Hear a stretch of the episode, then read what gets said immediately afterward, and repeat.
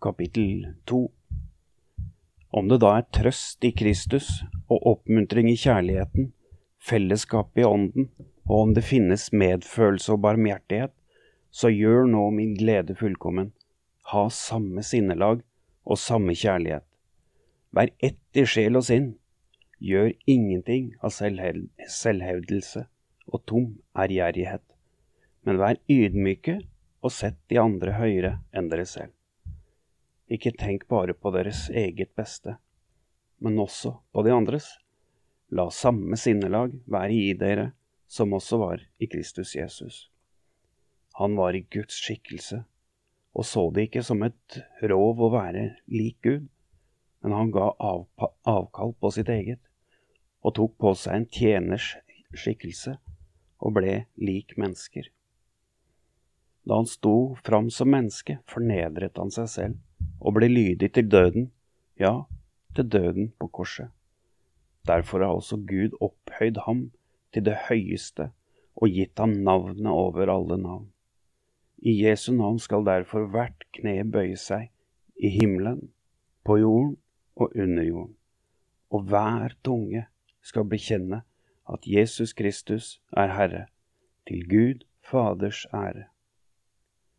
Mine kjære, dere har jo alltid vært lydige mens jeg var hos dere, så vær enda mer nå når jeg er borte, og arbeid på deres egen frelse med respekt og ærefrykt, for det er Gud som er virksom i dere, så dere både vil og gjør det som er rett etter Guds gode vilje, og gjør alt uten murring og misnøye, så dere kan være uklanderlige og rene, Guds barn uten feil midt i en vrang og villfaren slekt.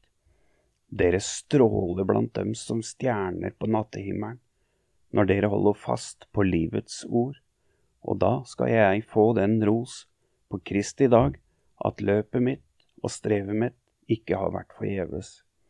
Ja, om jeg selv skal ofres mens jeg gjør altertjeneste og bærer deres tro fram som offer, er jeg likevel glad og gleder meg med dere alle så må også dere være glade og glede dere sammen med meg. I Herren Jesus Kristus håper jeg at jeg snart kan sende Timoteus til dere, så også jeg kan få nytt mot av å høre hvordan det går med dere. Jeg har ingen som han, ingen som så oppriktig har omsorg for dere, for alle andre er opptatt av sitt eget og ikke av Jesu Kristi sak. Men dere vet at Timoteus har bestått sin prøve. Han arbeidet for evangeliet sammen med meg, slik en sønn hjelper sin far. Jeg håper å sende ham til dere så snart jeg ser hvordan det går med saken min. Men i Herren er jeg trygg på at jeg snart skal komme selv. Jeg har også funnet det nødvendig å sende Epafroditus tilbake til dere.